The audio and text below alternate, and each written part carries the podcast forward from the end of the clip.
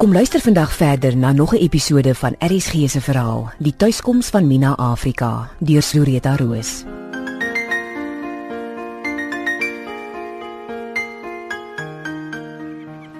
Kom ons sit hier. Dan kyk ons vir die see en jy vertel alles vir hom. Nie vir my nie. Ek sit maar net hier by jou sodat jy nie alleen hoef te voel nie. Is dit oukei? Okay? Ja, seker maar oukei okay, so. Maar onthou net Mina Afrika. Jy daarvoor gevra. Toe, kom sit. Ek het vir niks gevra nie. Ek wil net vir die see sit en kyk. Nes jy bang as ek kom by sal tussen ons kom. Soos ek bang die ding sal tussen ons kom.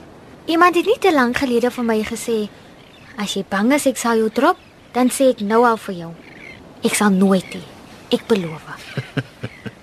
Hoe het hy? Wie sê vir jou dit was 'n hy? O, oh, okay. Ja, ek sal die storie van vooraf moet gaan haal sodat jy kan verstaan. Het jy tyd? Al die tyd in die wêreld. Dis my afdag onthou. o ja. Ek dink dan jy gaan vir die see vertel. Wie wat? Jy kan maar alles hoor, so wat. Dankie Jeffrey. Ek beloof, ek sal jou nie drop nie. OK. Ek het nog altyd gehou van hout. Hoe dit lyk, hoe dit voel, wat jy daarmee maak, hoe dit ryk as jy daarmee werk. Soos ouma Hanni altyd so graag vertel, hoe graag jy hout gekerf het toe jy nog maar klein was, né? Ja. Sy wil nie dat ek see toe gaan en nooit weer terugkom nie, soos al die ander. Sy sê die see gee kos genoeg, maar sy prys is te duur. En verleer is aan die kans nie. En dis mos nie 'n hoërskool vir breinkinders nie. Was jy hoërskool toe, Mina? Nee. Ek wou graag gaan, maar by ons in die vallei was daar ook 'n hoërskool nie. Ons kon net skool gaan tot standaard 5 en dan moes jy stop. Ons ook. Ja, dis wanneer die seuns van visbaai begin see toe gaan. Na standaard 5. Eers eentjies uitroei in 'n bakkie en met 'n handlyn visvang en as hulle ouer word, hoop 'n skipper vat hulle vir 'n groter skei, al hoe verder van die land af, al hoe nader aan die gevaar. En dis 'n harde lewe. Ja, baie. En toe ek praat van see toe gaan toe keer ouma Annie. sy wou glad nie daai lewe vir my hê nie. Toe vertel sy my sy het 'n wit kabinetmaker in Berdasdorp getoer om vir my 'n apprentice job te gee. ek het daar geglo. Ek was 13 en hy was bevoeterd. Ek was 14 toe oh, toe juffrou Libbe my by haar huis leer boekhou doen het. my geluk. Ja, Mr. Verreine was van hy soort wat geglo het as jy nie wit is, jy is jou nosel. so hy moet hard in jou ore skree dat jy kan verstaan. O, oh, ek kan dit nie vat nie. Ek ookie. Anyway, partykeer het ek ouma Annie gehaat dat sy my ookie liewer maar see toe gestuur het. Nie. Oor hy geskree. Ek bly sy het nie. Sê nou maar die see het sy prys vir jou ook van ouma Annie gevra. Dan het ek jou nooit geken nie. Ja, is nogals, né? Gelukkig het Mr. Verreine Nans agtergekom ek leer vinnig en ek luister mooi. Toe ek op 15 sy regterhand en op 18 kon ek alles doen wat hy doen. toe is my apprenticeship klaar. En toe? Toe het ek genoeg gehad. En toe wil ek gaan geld maak.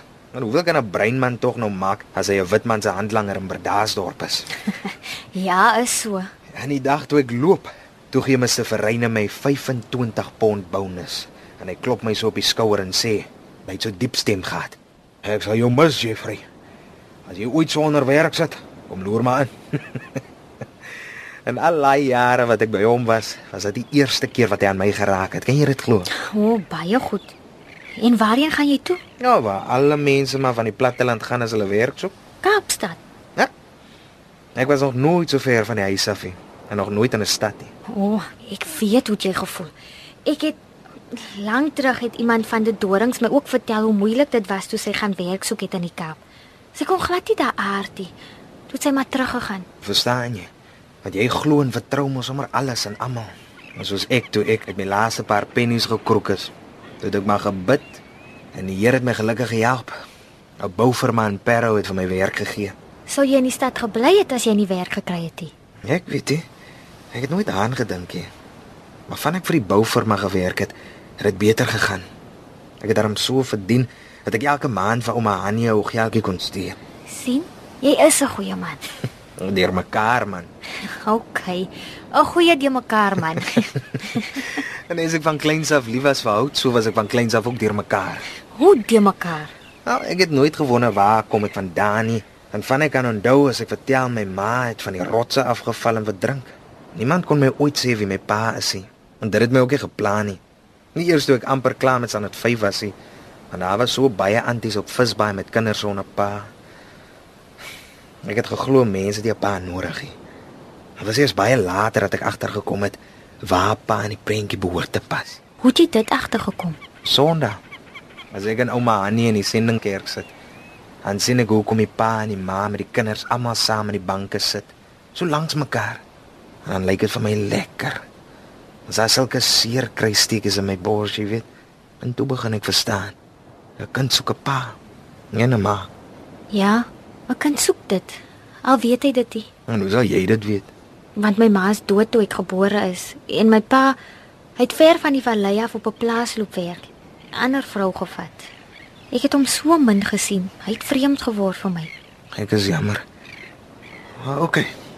So jy verstaan goed wat ek sê. Ja, En as die dominee so raas en skel oor sonde en die hel en al daai, dan het ek my liewerste afgeswitch en gedroom. Ek's ook in so 'n familie soos daai wat so saam in die kerk sit. en wat doen die droomfamilie els? Al in die aande sit my pa en ma saam met ons kinders om die tafel om te eet. En my pa bid vir die kos. Ons is by mekaar. Partykeer sny my pa vir my 'n ketty. En ons loop die duine in om te check dat hy daarom reg skiet. Ek weet om hy te droom. Want van die laities wat pa's gehad het, het my vertel dit was wat hulle doen. En die ma en pa is baie jonger as die ouma en oupa. Daai het ek van gehou. Soos Jantjie. Ekskuus? Nee, ek dink sommer aan die kind wat ek so baie opgepas het. Hy bly ook by sy oupa en ouma en dis maar swaar vir hom. Jy sal Jantjie nog ontmoet as hy weer kom kuier. Wie se kind is hy? Sommer 'n kind. Die pa het verongeluk toe hy nog jonk was.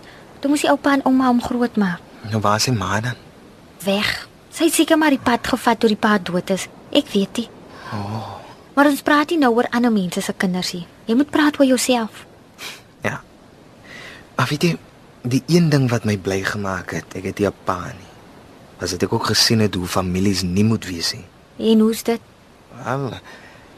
Devin Pieters se pa was elke naweek pap dronk en dan het hy Devin se ma geslaan.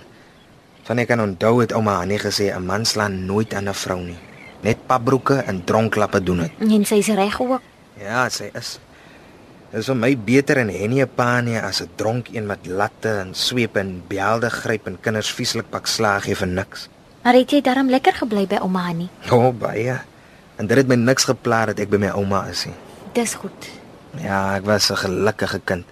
Wel natuurlik wou ek weet hoe dit is om 'n regte familie met 'n pa en 'n ma en broers en susters te hê. Maar daar was party kinders wat dan glad jaloers was oor ouma Annie my nooit geslaan het nie. Wat het sy dan gedoen? Net gepraat. Partykeer hard, maar meestenal het sy my gelaat huil. Ons sy so mooi met my gepraat het. Dan sê sy ek is beter as daai wat ek verkeerd gedoen het.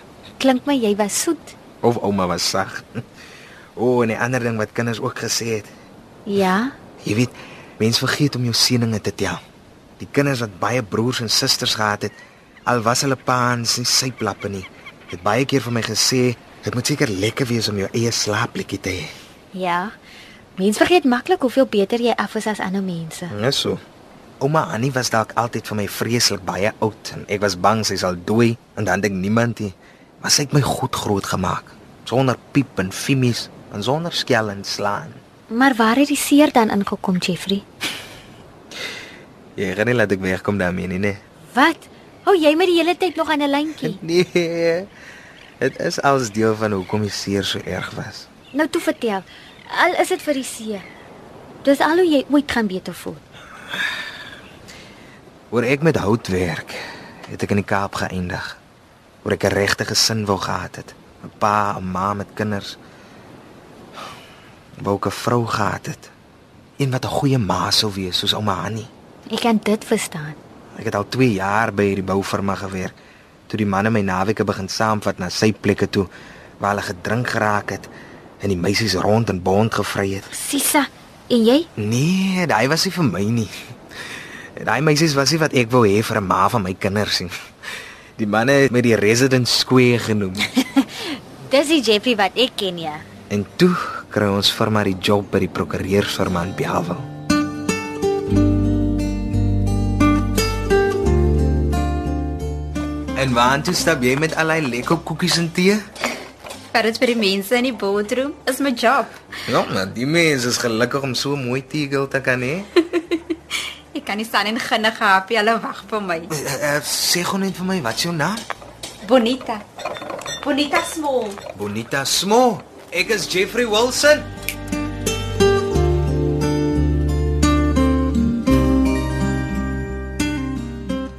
Was hy mooi? Baie. Vir my was dit love at first sight. Sy was klein en fyn. En al het sy daai eerste keer 'n Teagle se uniform aangetree met 'n voorskoot, kon ek sien hoe dun haar ou lyfie was. Was dit dan net haar looks waarvan jy gehou het? Nee, dit was alles van haar. Hoe sy gestap en gepraat het, 'n regte klein ladytjie. en sy was so skaam. Nie soos hy wille goeters wat by die manne se syplekke rondgehang het nie. Sy was perfek. En toe? Dit was een middag na werk. Ek was op pad na die lorry wat ons sou terugvat depot toe. Toe kom sy uit die gebou gestap. Vir 'n man wat so aanlê by die meisies was jy, maar baie skaars, hè, meneer Wilson? Jy ken my naam. Jy het dit mos vir my gegee, jy nie? Ja, oh, ek het nie gedink sy hoor my nie. Bonita. Of regery of ek het 'n kom naam. Ek werk nou aan die agterkant van die gebou, buite. Of course, ja. Seker te veel geflirt met die girls en te min geweek toe pos al jou buitekant toe, né? Nee, nee, nee, nee, nee. Ek moet nuwe deure insit. En daar's 'n kas wat moet gebou word vir die caretaker van die gebou. Is jy altyd so serious? Ekskuus. Uh, ek bedoel, nee, uh, wil jy 'n movie gaan sien? Eendag, daar. Jy weet, saam met my. Dalk eendag Jeffrey Wilson. Jy weet, saam met jou. maar hier's 'n bittere deel. Wat van Vrydag aand saam met my? Dinner en 'n movie. Ah, hier's my bus. Bye. RSG se middagvervolgverhaal, Die tuiskoms van Mina Afrika deur Zureta Roos, is uitgegee deur Tafelberg Uitgewers. Die verhaal word in Kaapstad opgevoer onder regie van Eben Kruiwagen.